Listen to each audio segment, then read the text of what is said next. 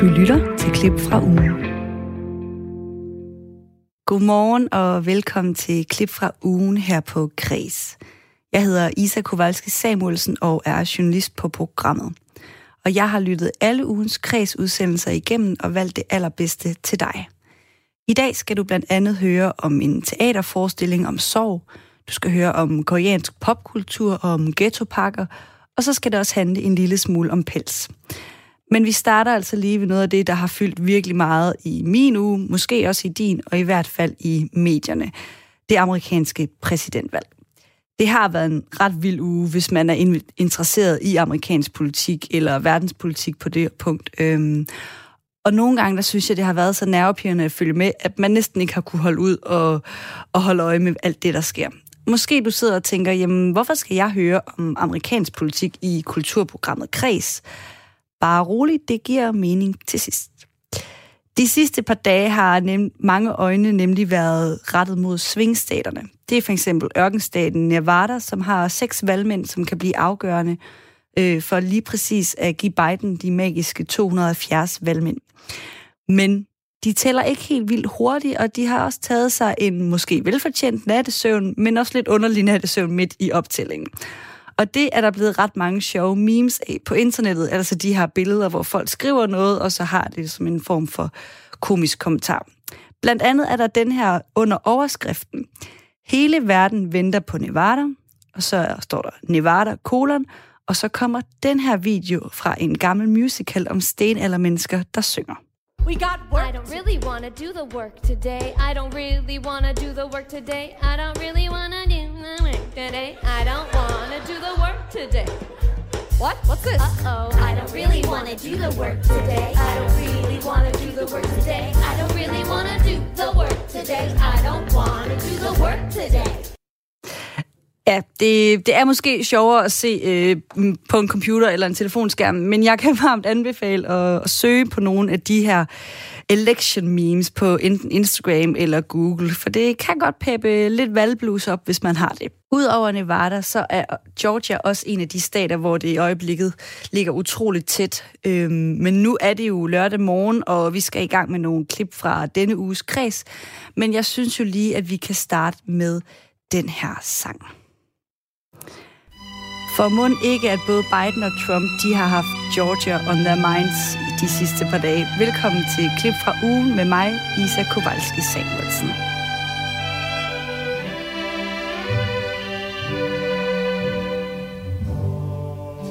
Georgia, Georgia, the whole day through. just an old sweet song keeps Georgia on my mind. Georgia on my mind. I said, uh, Georgia, Georgia, a song of you. A song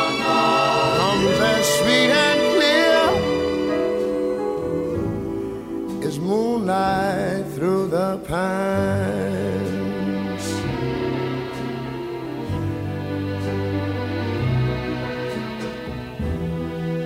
Other arms reach out to me.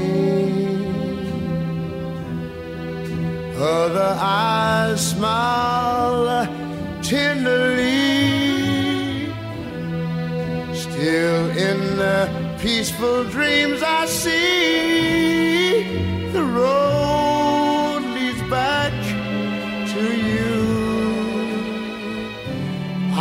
Said, Georgia, oh Georgia, no peace I find. just an old sweet song. Keeps Georgia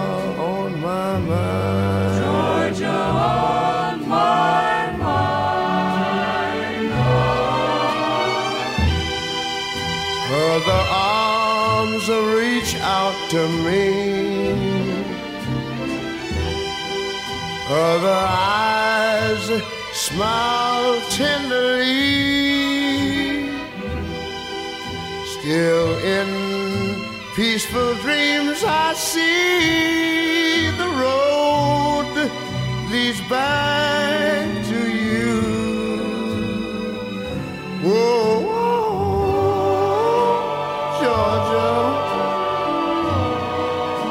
Georgia.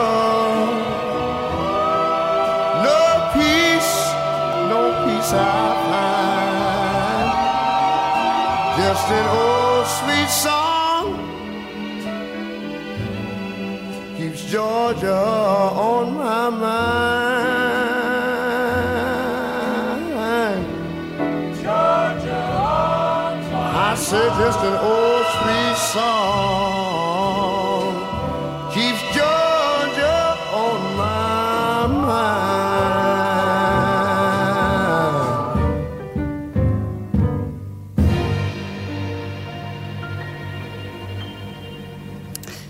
Ja, og sådan fik vi altså lige rundet det amerikanske præsidentvalg med lidt god musik, og nu skal vi i gang med et klip fra ugen her på Kreds.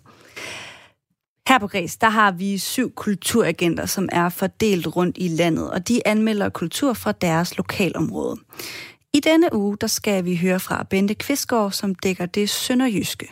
Så frem med papir og pen, for nu kommer Bente nemlig med en anbefaling til dig, der bor tæt på Kolding. Jeg vil gerne fortælle lidt om Madeleine og drømmene, som øh, går på Kolding Ejens Teater.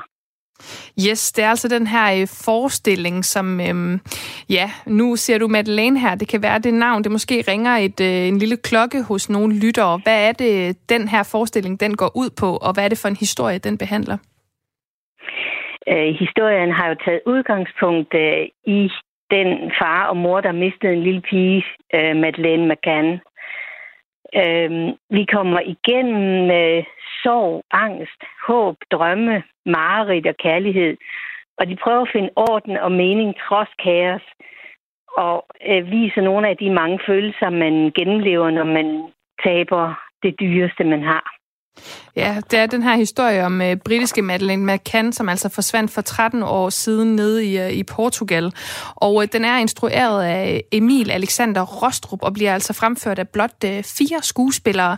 Og nu nævner du jo, Bente, alle de her følelser, øh, og den tager udgangspunkt i en rigtig historie. Men hvor er det, at den adskiller sig fra øh, virkeligheden, det her, øh, det her stykke? Der er øh, fantaseret en masse omkring det. Der er tilføjet et øh, grumt og syret univers. Så er der nogle fantastiske effekter med lys og skygge. Man starter med at se Madeleine som en ansigtsløs slaskedukke. Det er jo et genialt øh, start. Man bliver helt knudet om hjertet. Det er ikke uden humor og øh, poesi. Og vi møder så faktisk også Madeleine, som så inderlig gerne vil finde hun prøver at nå sine forældre gennem drømmene. Øh, og der er også nogle tanker omkring, om man overhovedet kan genkende hinanden, hvis man genses efter mange år. Er vi stadigvæk de samme så? Så det vil sige, det er ikke en fortælling om Madeleine, men det er en fortælling med udgangspunkt øh, i historien. Det er jo virkelig interessant det her med, at hvis man ikke har set nogen i mange år, så skulle møde dem igen, tænker jeg. Altså det der forestilling, man har om, hvordan nogen er, og så at de måske er blevet til andre mennesker. Mm-hmm. Ja. Madeleine, hun var jo tre år, da hun øh, forsvandt. Tænk, hvis hun kommer igen om 13 år, eller på et andet tidspunkt. Ja, det er jo sådan, altså det er en meget... Øh sjov størrelse at reflektere over. Jeg tænker jo også i forhold til, øhm, hvad kan man sige, den her måde at, øh, at behandle den her historie på, så er teatret jo et sted, når det gør det godt selvfølgelig, er et sted, der kan gøres ret eftertænksomme og måske også øh, klogere og øh, ja, som du siger her, øh, reflektere over noget som det her, hvor vi ikke rigtig kender svaret. Altså, hvilken følelse sad du tilbage med efter den her forestilling og de her refleksioner? Altså, jeg var jo fyldt med tanker om frygten for at miste men også håbet og styrken i kærligheden, som er så vigtig at bevare, og også erkendelsen af, hvor vigtige drømme og det underbevidste liv egentlig er. Altså, øh, drømmene her, Bente, det, det lyder jo som mm-hmm. noget, altså det er jo også på sådan et øh, meget abstrakt niveau. Altså hvem tænker du, den her forestilling vil være interessant for? Jeg tænker måske ikke lige, den er så velegnet til børn. Altså hvem, øh, hvem tænker du skal gå ind og se den her forestilling? Nej, man skal ikke tage sine børn med ind. Det er voksne, som ikke er bange for at tænke lidt over livet, også når det måske gør lidt ondt. Også folk, som gerne vil opleve nogle knalddygtige skuespillere, som spiller med stor indlevelse og følsomhed. Og stykket, det er jo altså ikke kun øh, sort, skribende og skræmmende, men det er altså også sjovt. Okay, det tænker jeg måske også er en god afveksling fra, fordi meget af det, du beskriver, det er sådan lidt tungt, tænker jeg, eller det er i hvert fald nogle store mm. følelser. Så er der den her afveksling ligesom i, øh, i det humoristiske? Ja, bestemt. Bestemt. Okay. Det er der både poesi og humor, er der også meget af i stykket. Men man kan jo også sige, at øh, tragedie og komedie, de er sjældent er ret langt væk fra hinanden, så det, øh, det kunne jeg godt forestille mig. Men, men øh, Bente, vi skal jo også, det er jo en klassiker her i vores kulturagent-sektion. Øh, vi skal jo ligesom have, øh, have givet nogle, øh, ja, jeg vil egentlig sige stjerner, men det er jo øh, noget andet, vi skifter øh, øh, karakter, øh, karakteren her ud med. Så vi siger, hvor mange drømme på en skala fra 1 til 6 vil du give den her forestilling, Madeleine og drømmene? Jeg vil give det en femmer. En femmer. Vil du sætte nogle ord på? Ja. Jamen, øh, jeg synes, man skal tage ind og se den, fordi der er nogle virkelig øh, dygtige skuespillere, og der er nogle virkelig spændende og groteske og anderledes figurer. Og der er så mange ting, man kan tænke over bagefter. Ja, og sådan blev det altså til fem drømme til Madeleine og drømmene fra vores agent Bente til forestillingen, ja, Madeleine og Drømmene, som du kan se på Kolding Ejens Teater. All I wanted was people to see the potential in us. 한국계라고는 저희 독수담이 있는 거죠. Let's go! The first female Korean group perform at Coachella. Blackpink, like, dignified. How do we live up to this hype? Ja, nu skal det handle om top-tunede dansetrin, masser af energisk musik, nogle interviews, der måske ikke altid går helt i dybden, men som alligevel er ret fascinerende at se på. Det er nemlig nogle af ingredienserne, som du har hørt her i det her lille klip, som stammer fra Netflix-dokumentaren, kan man kalde det, Blackpink Light Up the Sky. Og Blackpink, det er altså den her supergruppe fra Korea, som dokumentaren den handler om, som lige nu dominerer den genre, der bliver kaldt K-pop. I den her uge, der dykkede vi på kreds ombord i K-popens verden. For selvom der er milliarder af fans verden over, så er det måske ikke så mange i Danmark, der helt ved, hvad det er for en genre, vi taler om. Måske du har hørt den danske sanger Christoffer, som, ikke, som for ikke så længe siden der faktisk lavede et nummer med den koreanske sanger Chung Ha. Og han er faktisk ikke den eneste, som øh, bevæger sig ind på det her marked. For nu skal du nemlig høre et interview, hvor min kollega Aline Grønborg, hun taler med den danske producer Daniel Obi Klein, som, er en, som en dag fik besøg i sit studie af en koreansk delegation på jagt efter det næste, det næste K-pop hit. Jamen, øh, det startede med, at øh, der kom en... Øh, altså, jeg, jeg, som sagt, øh, jeg har et studie og holder til et studie ude i, øh, på Islands Brygge. Og der kom en delegation fra, øh, fra Korea i sin tid i 2012. Øh, de kom fire mand høj fra Korea og ville øh, prøve at se, om de kunne finde nogle gode og nye danske producer. Og de tog så ud til den her bygning her, eller ud til, til Njælsgade, og, øh, og holdt sådan en præsentation om, hvem de var, og hvad deres pladskab hed, og det pladskab hed SM øh, Entertainment, og ja, faktisk det største K-pop pladskab ude i Korea. Det vidste vi ikke rigtig dengang, vi vidste ikke så meget om dem alle sammen.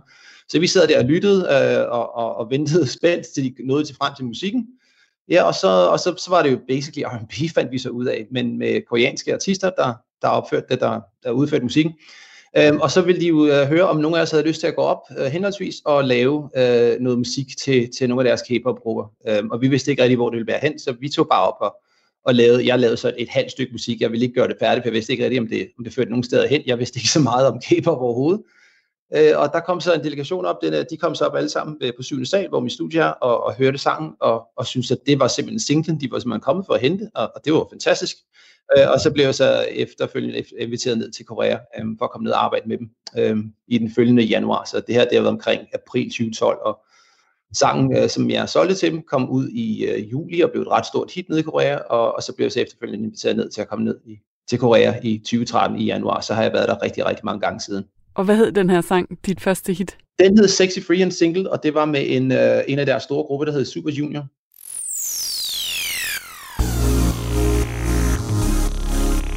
Every single day I try 정말 거의 다 왔어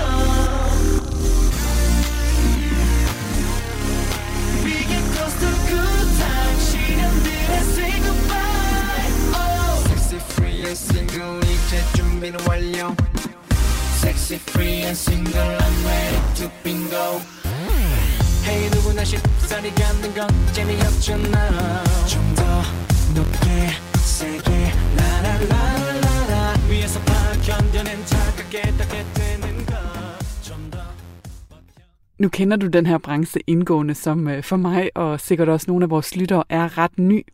Kan du ikke prøve at sætte nogle ord på, hvad er det egentlig for en branche, og hvordan skiller den sig ud fra for eksempel den danske musikbranche?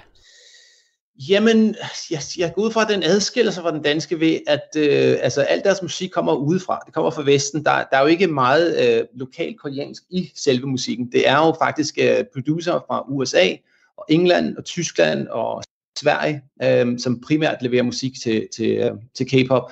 Andre lande har jo gerne en, en lyd, som de har selvfølgelig har blandet med, med deres egen lyd, øh, først og fremmest, og, og, og har importeret lidt udefra, men det gør de ikke rigtigt derude. Der har de stort set importeret, øh, importeret hele lyden udefra. Men kan du så ikke lige prøve at tage os med ind i dit værksted?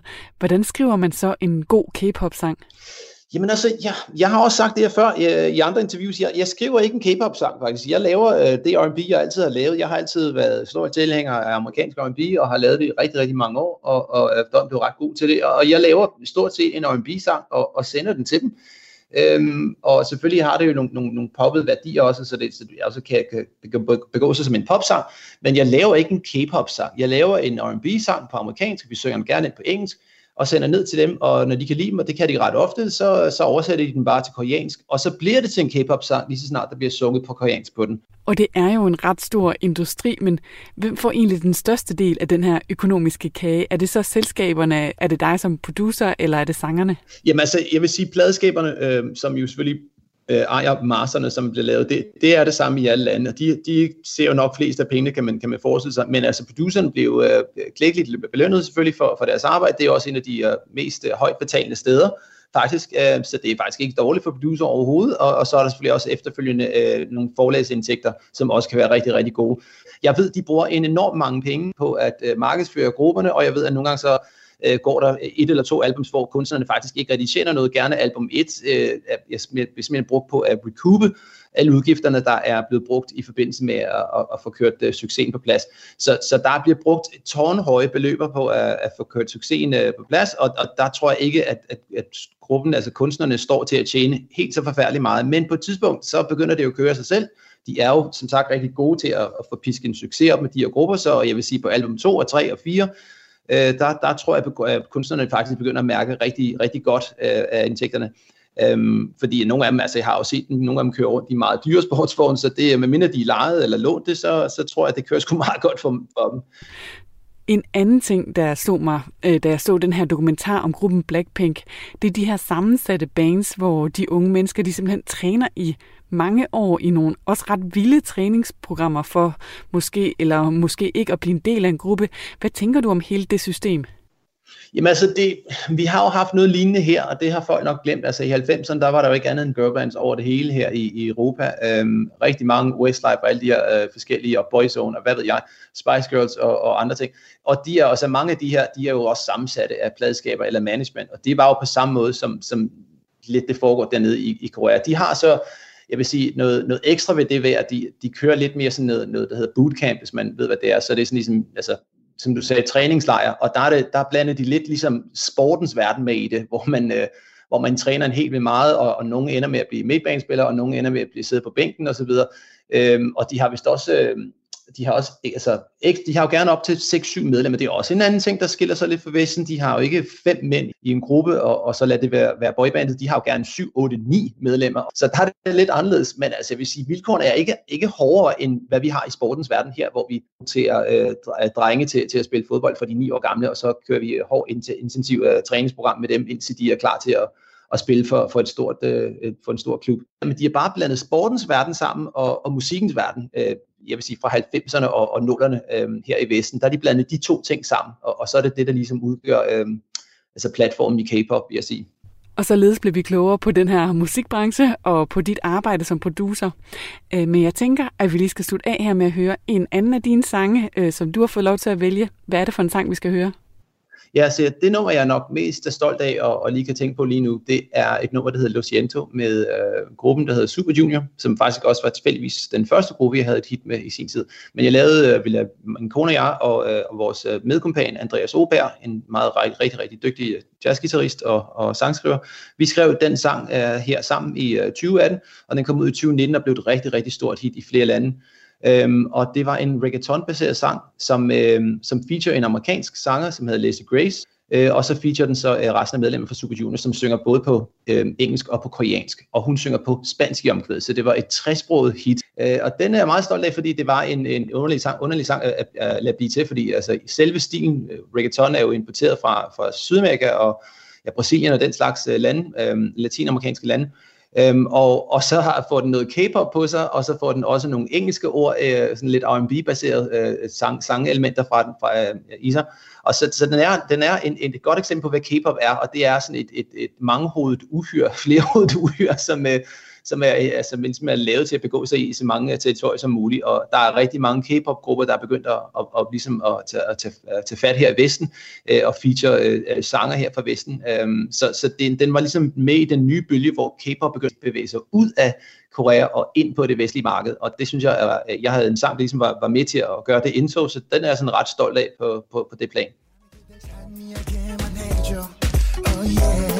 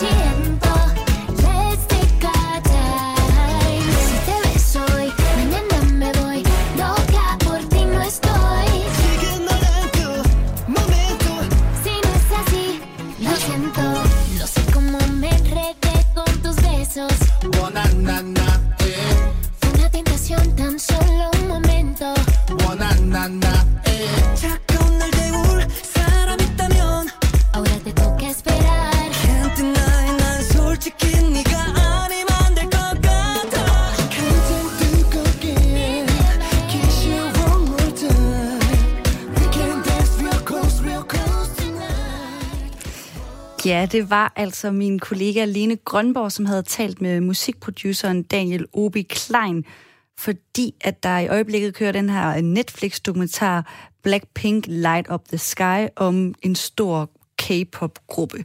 Tjek det ud, hvis du ikke øh, kender noget til det og er blevet lidt interesseret. I Kreds, der hylder vi hver onsdag også de mest inspirerende mennesker i, den danske, i det danske kulturliv.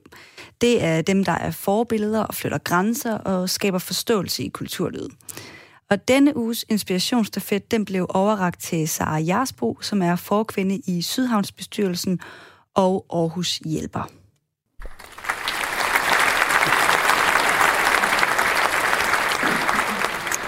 Ja, stort tillykke med inspirationsstafetten. Det er jo øh, faktisk ikke øh, mig, der har valgt, at du skal have den her stafet, fordi det er sidste uges udvalgte Å Stockholm fra Grimfest i Brabant. Og vi skal lige høre, øh, hvad Å han sagde om dig.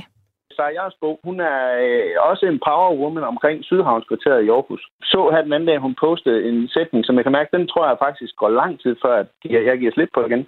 Ingen kan hjælpe alle, men alle kan hjælpe nogen. Og hele det omkring frivilligheden og frontløberne og græsrådsting, der hun bare været sådan en garant kvinde igennem mange år. I, i Aarhus, der er Sydhavnskvarteret, det er en af de steder, hvor der er sprudlende aktivitet, og hvor der er nogle værdisæt, man, man gerne må huske og bevare i, i byfornyelserne. Hun er en bannerfører i den sammenhæng. Ja, så hvad, hvad betyder de her ord for dig? Jamen, øh, jamen jeg, tusind tak. Altså, jeg, jeg mødte Ove forleden og sagde tak for, at han har givet stafetten videre, men nu har jeg jo ikke hørt, hvad han har sagt og hvorfor han har givet mig stafetten. Øh, det betyder meget, og, og, og det er da noget, jeg selv tænker over i forhold til at give ros i hverdagen til til dem, man synes, der skal have det. Ja, det øh, kunne vi alle sammen godt øh, lære noget af i den her tid, ligesom at, øh, at rose dem, vi omgiver os med, som, synes, som vi synes, der inspirerer os. Og jeg kan jo spørge dig, hvem har du selv været inspireret af gennem tiden? Jamen, øh, jeg, jeg tror, altså, jeg, jeg bruger det jo rigtig meget selv, øh, og, og bliver inspireret dagligt af forskellige, øh, mange forskellige ting. Men en, jeg bliver ved med at vende tilbage til, øh, er øh, i høj grad et forfatterskab, men det er også en person, som er lavet af en forfatter. Og det er Pippi, som i virkeligheden indeholder yes. alt i hendes person, som inspirerer mig Ja. allermest i hele verden. Ja, ja, men jeg kan godt afsløre, at jeg har en uh, tatovering af Pippi på skulderen, så jeg er, jeg er helt med dig på den her. Fuldblown, ja. Ja, der, øh, den, den, øh, den vogn vil jeg gerne hoppe med på. Det kan jeg rigtig, rigtig godt forstå. Og apropos inspiration, så har vi jo faktisk øh, det her evighedsinspirationsdigt. Og i sidste uge, der skrev øh, Åge en hel fadervor og sprang lidt vores øh, rammer. Det er jo dejligt, men det betyder også, at jeg lige har taget hans bidrag ud, fordi det er lidt langt, så du får lige de sidste øh, andre strofer her. En stemme som kunstens er afgørende for, at håb og drømme aldrig forgår. Så giv os alt, du har, og husk på, at ingen dør af at se et kompromis. Og nu skal vi jo have dine linjer på, så jeg ved ikke, hvor du har taget inspiration, om det er i Pippi, eller hvad er dine linjer så? Jamen, både og. Øh, hun, hun er med i, i det meste, øh, jeg gør. Øh, inden man glemmer det, så må de huske mig selv på det igen. Men, øh, men jeg har skrevet sådan her. Øh, vend dig selv på hovedet, og husk, fantasien er altid fri, hvis, du, eller hvis vi tør åbne for den. Altså, det er jo meget Pippi-agtigt, faktisk. Det er det. Ja, fantasien jeg er altid jeg, fri. det er meget sjældent, jeg glemmer hende. ja, jeg ved, hvad du mener. Okay, ja, men øh, vi tilføjer, øh, det er også dejligt at få lidt Pippi ind i det her øh, digt. Nu har vi haft meget musik, nu skal vi også have det lidt bredere ud. Hun er jo øh, kultur på mange måder. Men det er jo også sådan, at vi skal sende den her stafet videre, og her får du altså lov til at bestemme sig, jeres bog. Så hvem skal have næste uges inspirationsstafet, og hvorfor? Ja, det er, og det har jeg simpelthen valgt, at, øh, at Julie, som har startet Grus i Horsens, skal have. Og jeg har fulgt Julie igennem nogle andre øh, forskellige initiativer, hun har startet op, som har været lige så smukke og inspirerende. Men det her med at rykke øh, ud af storbyen, og hun rykkede endda ud af hovedstaden, øh, og så til Horsens og starte noget op der, det synes jeg er vanvittigt modigt. Og at se det vokse er dybt inspirerende. Så derfor skal hun have den. Og bare lige til de lytter, der ikke kender Brugs, hvad er det? Jamen, grus er et... Øh, en grus er jo meget mere end et sted, men fordi det også er et fysisk sted, så er det noget, der inspirerer mig, fordi det har jeg aldrig gjort så meget i selv. Øh, jeg går lidt fra sted til sted. Men, øh, men hun har simpelthen lavet et sted, hvor man kommer ind og føler sig hjemme. Men alt er ligesom også op til fri øh, fantasi, kan man sige. Alt kan lade sig gøre, alle muligheder er åbne, og der er et stort potentiale for at... Øh, øh, ja, og, og samarbejde eller øh, lade fantasien få frit spil. Ja, og sådan blev stafetten altså givet videre fra Sara i Aarhus til Julie i Horsens. Du kan lytte med på onsdag, når stafetten den bliver overragt til, sine, eller til sin nye ejer. Til nye lyttere, så skal jeg sige velkommen til klip fra ugen her på Kres. Jeg hedder Isa Kowalski Samuelsen, og jeg guider dig igennem nogle af de bedste kulturindslag fra denne uges Kres-programmer. Og nu skal det handle lidt om mink. Det er nødvendigt at aflive alle mink i Danmark. Det gælder desværre også afstyrene. Ja, sådan lød det fra Mette Frederiksen på et pressemøde i den her uge. Et digitalt pressemøde, og derfor er den dårlige lyd. Og selvom at pelsavlen måske ikke ligefrem har noget med kultur at gøre, så dykker vi her i kreds alligevel ned i den bløde beklædning. For pels, det har længe været et eksklusiv øh, modegenstand, som i den grad kan skille vandene og få folks følelser og pis i kog. Og sammen med Else Skjold, som er lektor i Ph.D. i design og bæredygtighed ved det Kongelige Akademi, der er dykket Rikke Collin ned i pelsens historie og fremtid. Det er jo det første beklædning, vi nogensinde har haft på, så det, der taler vi jo ganske mange tusind år. Øh, det, det allerførste tøj, mennesker havde på, det var pels. Så, øh, så det er lang tid siden. Det, Det kan må man sige. konstatere. ja, det må man sige. Ja. øh, hvornår vi så havde minkpels på, det, øh, det er jo så særligt startet, da vi faktisk jo importerede mink fra øh, USA, hvor at øh, mink kommer fra. for faktisk øh, meget præcist omkring 100 år siden. Øhm, og, og begyndte at etablere minkfarme her i Danmark. Ja, og jeg tænker sådan på, altså selvfølgelig har vi sådan øh, af nød, kan man sige, for at holde os varme, både pels tidligere. Men hvornår bevæger den så over? Du nævner, at vi starter med at importere øh, pels for 100 år siden i, øh, i Danmark, minkpels eller minke. Altså, hvordan bevæger pels fra at være, hvad kan man sige, noget praktisk, og så over i at blive noget luksuriøst, altså et mode-item? Ej, det har det jo været i mange hundrede år. Altså hvis vi ser på de gamle øh, malerier af konger øh, helt tilbage til øh, barokken og før, så har pels jo været en, øh, et øh, luksusmateriale, som man typisk har brugt til at vise, at man, øh, at man var noget ved musikken. Altså øh, hvis du kigger helt tilbage på tidlig middelalder, er der jo, øh, er der jo pels på klædedragten, sådan set både for høj og lav. Øhm, men man kan sige, hvis du spørger til, hvornår er det ligesom blevet det, vi kender i dag som mode, så, øh, så startede med fødslen af det, der hedder haute couture i Paris i midten af i 1850'erne, hvor man begynder at bruge øh, pels som sådan noget damemode øh, materiale. Ikke? Øh, har det jo særligt været i hele den her celebrity-kultur med Hollywood og skønhedsindustrien, der starter også omkring for 100 år siden. Der har pels været, øh, været en stor del af det her billede på øh, den glamourøse celebrity starlet, der har diamanter og pels på. Og nu nævner du jo lige Hollywood. Jeg synes lige, vi skal høre det her klip. Get a cab, okay? Um, all right, would you guys think I should be? I don't know what fashion show is First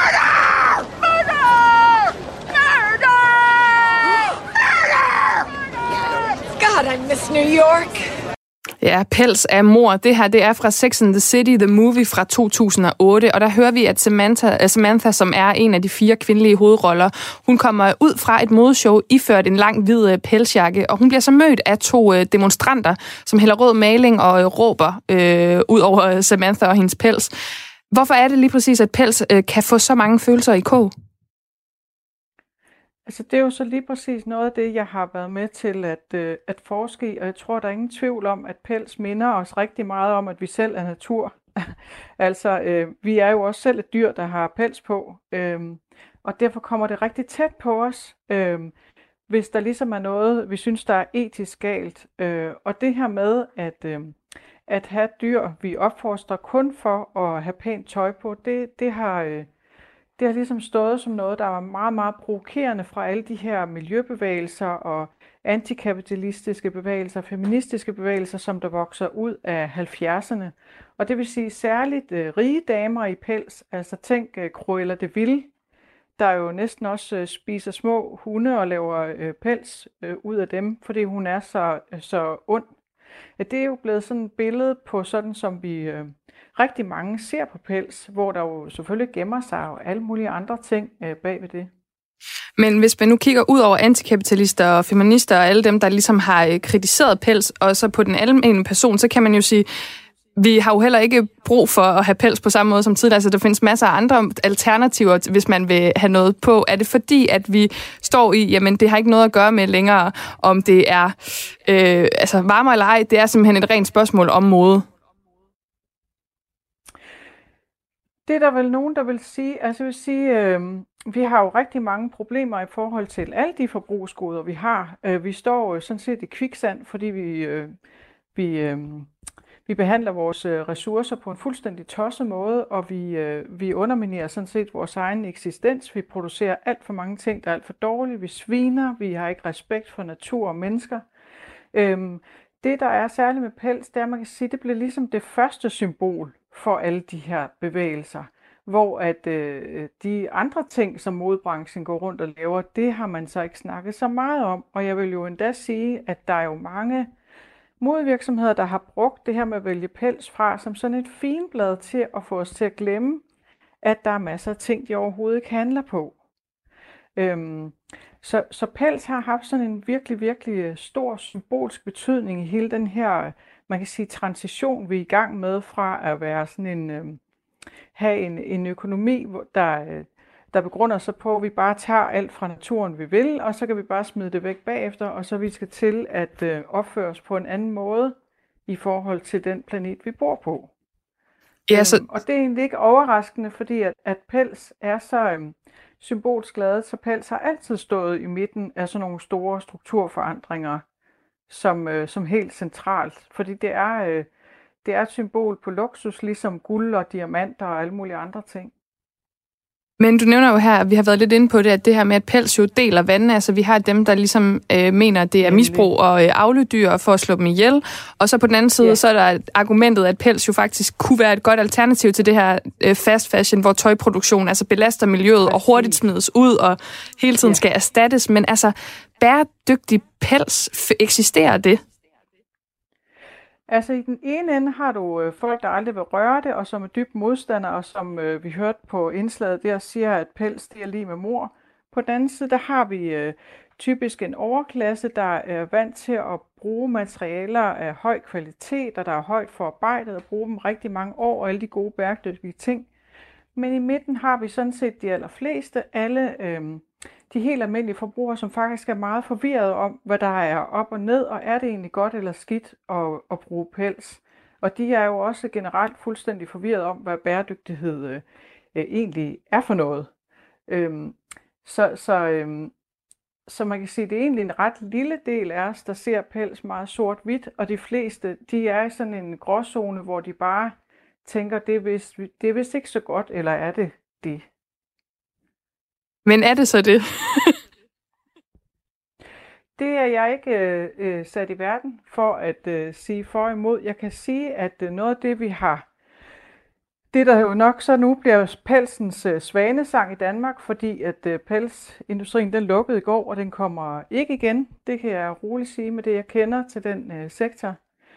Øh, jeg synes, der er rigtig mange ting, vi kan lære. Altså for det første, så har pelsindustrien i Danmark, det har været en andelsbevægelse, hvor man har hjulpet hinanden. Man har delt ressourcer og viden, og det er noget, øh, jeg håber, alle de her minkfarmer, de kan øh, blive i vores landbrug og hjælpe os med at opbygge et nyt bæredygtigt landbrug, der bygger på nogle af de ting, de kan. Øhm, og så vil jeg sige, at som øh, forsker i design og bæredygtighed, så når vi ser på, hvordan vi egentlig behandler pels, så behandler vi det som noget utroligt dyrebart, fordi det simpelthen koster meget. Og det vil sige, at der er ikke noget spild. Vi tænker os rigtig godt om, når vi køber det. Vi holder det i brug længe. Vi sørger for at opbevare det rigtigt, og vi får det repareret, og vi får det omsyet.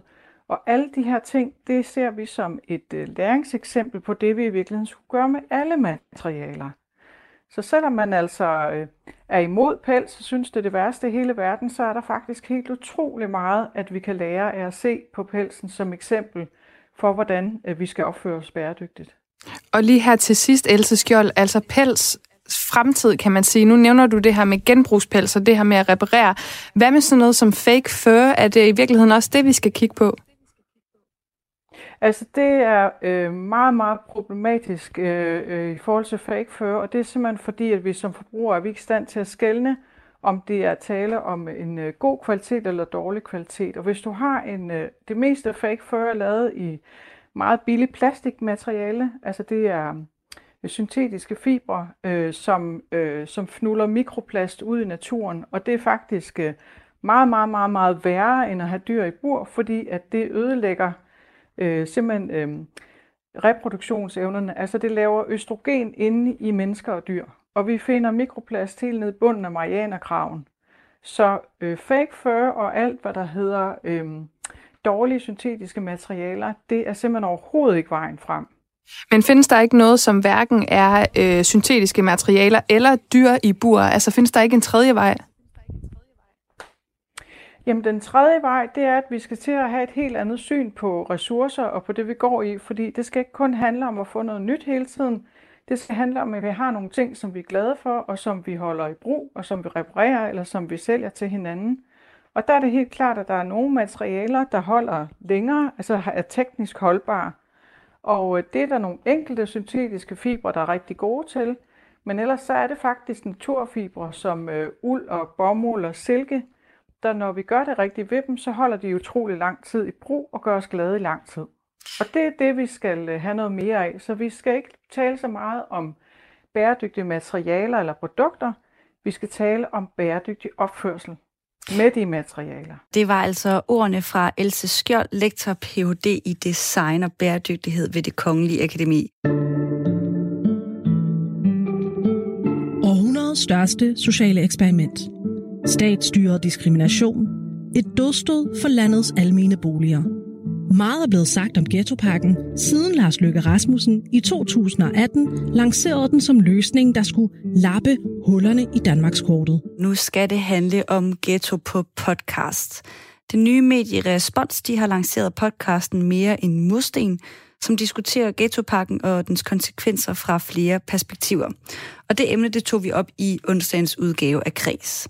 Her kan du høre Rikke Kolin tale med Marie H. Jørgensen og Emilie Helene Holm fra Mediet Respons, som altså udgiver podcasten, og de taler om, hvad det er for et medie, og hvilke tanker, der ligger bag. Jamen, øh, Respons er et øh, netmedie, som arbejder med repræsentation, og det betyder, at vi giver taletid til mennesker og grupper i samfundet, som ikke øh, får tilstrækkeligt med taletid i andre og større medier. Øhm, og det betyder også, at vi øh, bringer øh, oversete øh, og nedprioriterede, synes vi, øh, historier og vinkler og øh, den her podcast, Mere end mursten med øh, vært Fahia Khalid, det er jo øh, øh, den her podcast, som øh, vi ligesom tager os af i dagens kreds. Og øh, jeg har jo fortalt sådan lidt om den øh, i meget korte træk, men måske I kan uddybe det lidt mere. Så hvad er det for en podcast til dem, der ikke øh, har hørt om den endnu? Jamen, øhm, det er en podcast, som først og fremmest rækker mikrofonen mod beboerne, der bor i de her boligområder. Så det var egentlig udgangspunktet, at vi havde alle sammen hørt enormt meget om den her ghettoplan, men primært fra politikernes side og fra boligselskabernes side. Så derfor så tænkte vi, at det er på tide, vi hører øhm, dem, som det rent faktisk går ud over den her ghettoplan. Og den her øh, sag, det, jeg kunne se, der blev, skulle siges noget herover. Nå, men det var egentlig bare, at det, det der også er så, øh, hvad kan man sige, særligt ved den her øh, lovpakke som ghettopakken, og også derfor, vi har gerne vil undersøge den, det er jo, at den har fået massiv kritik fra udlandet og fra FN. Øhm, og så, som Emilie også siger, jamen, så er det, der er særligt ved også, at den griber så øh, voldsomt ind i almindelige menneskers liv, dog uden at de er blevet inddraget eller hørt i den. Okay, og så lad os lige øh, måske også uddybe det lidt mere, fordi jeg nævnte også lige kort, øh, kort før, øh, hvad kan man sige, ghettopakken og hvad den indebærer, men måske igen er bedre til at formulere det end mig. Så hvad er ghettopakken helt kort, så øh, alle er virkelig er med? Jamen, man kan sige, at øh, ghettopakker er sådan set ikke noget nyt. Det er noget, man har opereret med siden øh, starten af 90'erne. Men ghettolister er noget nyt, og det er noget, man er begyndt at operere med siden øh, 2010.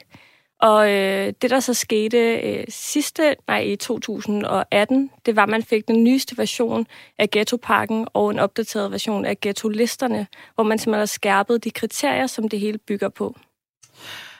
Hvilke områder er det, det drejer sig om? Fordi der er jo ligesom, hvad kan man sige, den her liste her, som I selv nævner, listen over øh, belastede boligområder. Hvilke områder er det? Jamen, øh, det er jo virkelig en rigtig mange øh, forskellige almindelige boligområder, men dem vi ligesom har valgt at fokusere på i, i podcasten, øh, det er Voldsmose i Odense, Gellerup-parken i Aarhus og øh, Møllerparken i øh, København. Og så øh, startede jeg jo med at nævne det her med at øh, give mikrofonen videre til beboerne, altså til, til dem, det i virkeligheden øh, drejer sig om. Og det har jeg jo gjort i en podcast, og der er mikrofonen især, kan man sige. Hvorfor lige podcasten som medie til at fortælle den her historie? Ja, det var også noget, som vi snakkede meget om i starten. Men øhm, der er nok to primære årsager. Det ene, det er den målgruppe, vi gerne vil nå ud til. Dem, som øhm, respons primært henvender sig til, det er unge. Øhm, og der kan podcastmediet jo helt sikkert noget særligt. Noget andet, det er også, nu hvor man skulle snakke med beboere, snakke om oplevelser, erfaringer, øh, følelser, så synes vi helt klart, at podcastmediet kunne noget særligt. Og ja, og så en, en tredje ting, så det er også det her med, at øhm, ghettopakken og de her lister og kriterier, som Emilie lige talte om, er, er meget komplekse, og vi vil gerne øhm, prøve ligesom at gøre det lidt mere spiseligt øhm, for lytterne. Så der er podcastmediet også øh, rigtig godt, fordi man ligesom kan ja, break it down. Altså nu siger I det her med, at jeres målgruppe er unge, og jeg tænker måske også, at øhm, er det også i virkeligheden for at nå ud til nogen, som ikke rigtig har sat sig ind i, i den her øh, problematik? Det er jo også noget tung politik, kan man sige, der ligesom ligger bag. Er det ligesom også for at få det brækket lidt mere ned til dem, der måske hellere vil sidde på TikTok for eksempel? Det er jo helt klart forhåbningen med det, og har været forhåbningen med det, øhm, kan man sige. Og det er jo også det, som øhm, Marie hun også siger, at det vi har prøvet er også at skabe en, en samlet fortælling over flere afsnit, som folk forhåbentlig kunne blive grebet af og holde til også at høre igennem de forskellige konsekvenser og lovgivningen, historien bag, modstanden mod alle de her ting. Og øhm, den er jo lavet af Respons, den her øh, podcast, men hvem er podcasten støttet af? Fordi der sidder måske nogle lyttere og tænker, altså er der en agenda bag, så mm. hvem er det, der står bag ellers? Jamen, øh, det er nogen, der hedder Open Society Foundation, som øh, støtter projekter, der arbejder med øh, demokrati og menneskerettigheder. Og der vil igen sidde nogle lyttere og tænke, jamen er det her så et politisk projekt? Altså ligger der en politisk ladning i det her? Øhm, ja, altså det kan man jo godt sige. Altså, egentlig mener vi jo, at alt er politisk. Øhm, du vælger altid en historie og en vinkel, og så vælger du dermed også andre historievinkler fra.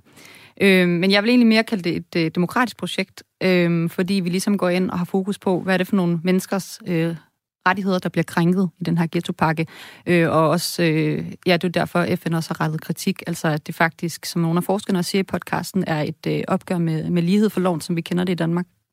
Og så, øhm, så var vi jo lidt inde på det tidligere, det her fravalg øh, i forhold til at have politikere med som kilder i podcasten. Altså, ved ikke at have dem med, risikerer I så ikke, at lytterne ligesom måske ikke får det hele billede, hvis de nu ikke lige har fulgt med i debatten, eller er det ligesom et bevidst øh, fravalg? Altså man kan sige, der er vores forhåbning, at eksperter kan gå ind og give det hele billede. Det er jo derfor, vi har jurister med og sociologer med. Og, altså sådan, det skulle de i hvert fald gerne kunne bedre end vores politikere måske. Ja, så kan man også sige, at øh, politikerne har fået ekstremt meget taletid. Øhm, i, ja, siden 2018, hvor Ghettopakken blev lanceret, er det stort set kun dem, man har hørt i de større medier. Så det, ja, det er et helt bevidst valg, at vi ikke har valgt at, at tage politikerne med os. Og det er jo faktisk også øh, noget, der bliver nævnt i podcasten, det her med, at, at politikerne jo heller ikke har spurgt dem, det hele drejer sig om, så det vil også ligesom at give dem en stemme, fordi at de rent faktisk ikke er blevet spurgt af dem, der har lovgivet. Der bliver nikket i studiet. Ja, der, ja lige præcis. altså, øhm, hvad er det, I håber konkret at kunne opnå med podcasten? Altså, er, det, er målet ligesom, at den giver genlog, genlyd nok til at kunne ændre noget sådan rent politisk? Fordi de her beslutninger er jo blevet taget, og frem mod 2030 er der jo boligområder, der skal rives ned, og der er allerede folk nu, som mærker konsekvenserne af, af ghettopakken. Altså, hvad håber I på at opnå med den? Altså, først og fremmest, så var, håber vi bare på at gøre flere opmærksom på, at det her det er noget, der sker lige nu. Og som vi også har snakket om, at det er en lovgivning, der er så diskriminerende, og som Aydin også siger i podcasten, det er måske det største sociale eksperiment, vi nogensinde har været vidne til i Danmark. Og det er selvfølgelig helt klart en forhåbning at gøre flere opmærksom på, at det her sker lige nu. Sådan lød det altså fra Marie H. Jørgensen og Emilie Helene Holm, som arbejder på Respons og udgiver den her podcast mere end mursten. Som altid slutter vi af med lidt bevægende ord her i klip fra ugen på Kreds. Hver torsdag inviterer vi nemlig en dansk poet til at sætte ugen på vers. Og i denne uge, der var det digter og kunstner Maja Petrea Fox, der ud fra en nyhed satte ord på ugen, der gik. Jeg synes bare, at vi skal starte med at øh, springe ud i øh, ugens nyhed, som, øhm, som du har valgt. Så hvad har du taget, øh, taget med til os i dag? Jeg fandt sådan en rigtig flot overskrift på BT i går, hvor der bare stod, alle skal afleves. Der stod ikke noget om mink eller noget i overskriften, så tænkte jeg, det er jo smukt. Og lige sådan lidt i kontekst til, til lytteren, så var det, ja, det sker jo nogle gange med de her sådan clickbait-overskrifter, at man lige øh, misser den måske lidt, så det blev altså til, alle skal aflives, og den gik ret, jeg har lyst til at sige viral på Twitter, den her overskrift. Øh, jeg så den i hvert fald rigtig mange gange i går. Det handlede jo egentlig om mink, men det blev altså på en eller anden måde, tænker jeg, billedet på 2020. Hvorfor var det, du, øh, du valgte den? Jeg synes bare, det var, det var meget poetisk smukt i virkeligheden, for vi skal jo alle sammen afleves af den ene eller den anden årsag. Ja, om det så øh, ja, på en gang, eller hvordan det nu foregår. Det er det. Altså, øhm, har teksten her en titel? Alle skal afleves. Alle skal afleves. Jamen, det, kan, det, det kan ikke siges klart. Jeg synes, vi skal høre den her øh, tekst ugen på vers, som altså er med Maja Petrea Fox. Breaking news, breaking news. Alle skal afleves. Så der er ingen grund til at ligge vågne og tavse i dobbeltsengen af angst og redsel for fremtiden, i stedet for at kysse læberne af hinanden. Det er nu, det gælder. Alle skal aflives, Og er det ikke fantastisk? Der er absolut ingen undtagelser, om du så er ung, gammel, rig, fattig, berømt eller forbryder. Alle skal afleves. Bankrådgiverne, spritterne, redaktørerne, pædagogerne, cheferne, chakalerne og gutterne, der står og skuler i hjørnerne i Nørrebroparken, de skal alle sammen afleves. Pernille Vermund skal afleves. Gamle Olsen på Kronen skal afleves. Mohammed og Morgenfryd på 4. eller fra 4. B på Østerbro skal afleves. Du skal afleves. Jeg skal afleves. Alle skal afleves. Alle børn, alle mænd og kvinder, alle køn whatsoever. 500.000 nyfødte og nuttede hundevalpe af resten Golden Retriever. Alle skal afleves. Corona-eksperterne, konspirationsteoretikerne og politikerne skal afleves. Kropsidealerne skal afleves. Susi og Leo skal afleves. Ligesom sortseerne, optimisterne, kommunisterne, nihilisterne, feministerne, kapitalisterne og mandsjuvenisterne skal afleves. Alle skal afleves. Alle dem, der stadig håber på at finde den eneste ene, skal afleves. Alle dem, der håber, at de allerede har fundet den eneste ene, men af urensagelige årsager stadig tvivler, skal afleves. De forvirrede, forelskede, fortvivlede, forpassede og forpustede skal afleves. De livstrætte, kæderygende, melankolske og maniske skal afleves. De toptunede, friske, dakkedaktrampende fitnessguruer skal afleves. Alle skal afleves. Kultureliten skal afleves. Knoromer skal desværre også afleves. De religiøse skal afleves. Må deres guder være med dem. Amen. Alle skal afleves. Og til alle jer, der næsten ikke kan klare mere. Bare rolig, kammerater.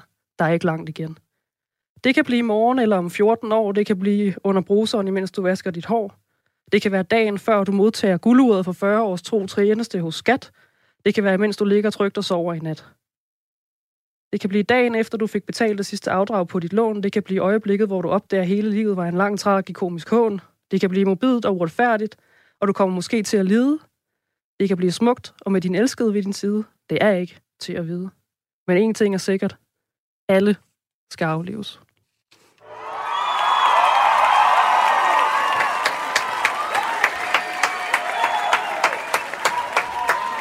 Jeg har altid øh, det her lille kor til at hjælpe mig. Det er fedt kor. altså, man kunne ikke høre det her, men øh, det er jo lidt absurd noget, der, øh, der jo er liv og død, men øh, som også er, altså, man, jeg stod bare herover og, og grinede, altså af livets absurditet og af livets øh, tragedier og komedier.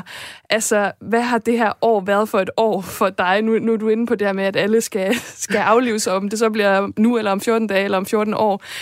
Hvor, hvor står du i alt det her lige nu? Altså, hvordan har du haft det? Jamen, jeg har faktisk haft et helt vildt okay år i virkeligheden. Jeg er sådan en ængstelig, sådan lidt øh, neurotisk type. Så jeg har egentlig bare, jeg har bare fået lov til at passe mig selv, og skal ikke aflyse alt muligt, som jeg ikke har lyst til, fordi jeg bare kunne, jeg kunne være derhjemme, ikke? Ja. Altså, kom den her tekst let til dig? Altså, måden, du skriver på normalt, adskiller den sig fra den her måde, du skulle skrive? Fordi det her var jo ligesom en bunden opgave, kan man sige. Kom det ligesom bare sådan fra tankerne og ned på papiret, eller hvordan har det foregået? Ja, det var, jeg synes, det var ret lige til. Jeg tænkte også, det var radio, det var live, skulle det helst være lidt spoken word-agtigt. Øh, hvor normalt, så bliver det nok lidt mere, ja, lidt mere dybt, lidt mere madgevidt. Ja. Men nu nævner du det her med, at øh, du har haft personligt et, et, et, et okay år. Altså, ja, det, det, jeg tror, der er mange, der tænker, wow, okay, og øh, hvordan kan det lade sig gøre? Altså, nu nævner du faktisk det her med sådan ængsteligheden også. Er det, fordi du er vant til at trives i kaos i virkeligheden? Det tror jeg. Og det er nærmest sådan en... Øh, hvis jeg har fået PN-medicin af hele universet, sådan, værsgo, her er kaos og redsel og grusomhed og alt den slags. Og så har jeg tænkt, nå ja, men det er jo det, jeg retter rundt med indeni, så nu er det bare ud over det hele, det er en en anden form for befrielse i virkeligheden.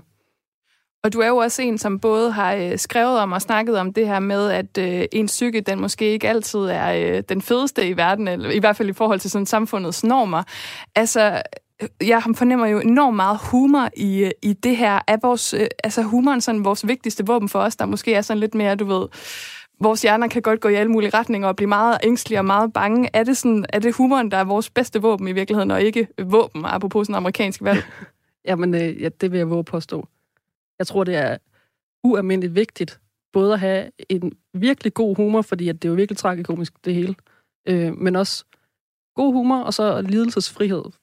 Nu når samfundet gør lidelse så mega frygteligt, og det må man ikke, og jeg synes, folk bare skal give den gas og søge hjælp, hvis nu det går helt galt, ikke? Det er meget vigtigt at sige. sige. ja, ja. Ikke, altså, giv den så meget gas til et vist punkt, at ja. man så siger, nu skal jeg have hjælp. Altså, i forhold til dig og dine tekster, hvad går du så og arbejder på lige nu? Er der noget, øh, man øh, kan gå og glæde sig til? Man kan gå og glæde sig til, at der kommer en roman. Men hvornår? Det er jo lidt, den er jo slet ikke færdig. Men øh, den handler om en pige, der hedder Fryd, som bor i København og oplever lidt af hvert. Øh, det handler jo ikke om mig. Det er jo bare, det er bare en roman, ikke? Ja, sådan lyder det altså fra digter og kunstner Maja Patria Fox, som satte denne uge på vers. Det var alt, hvad jeg havde til dig i denne uges udgave af Klip fra ugen her på Kres. Husk, at du altid kan finde vores kredsprogrammer i deres fulde længde, der hvor du henter dine podcasts. Jeg hedder Isa Kowalski Samuelsen, og jeg håber, at du får en rigtig dejlig lørdag.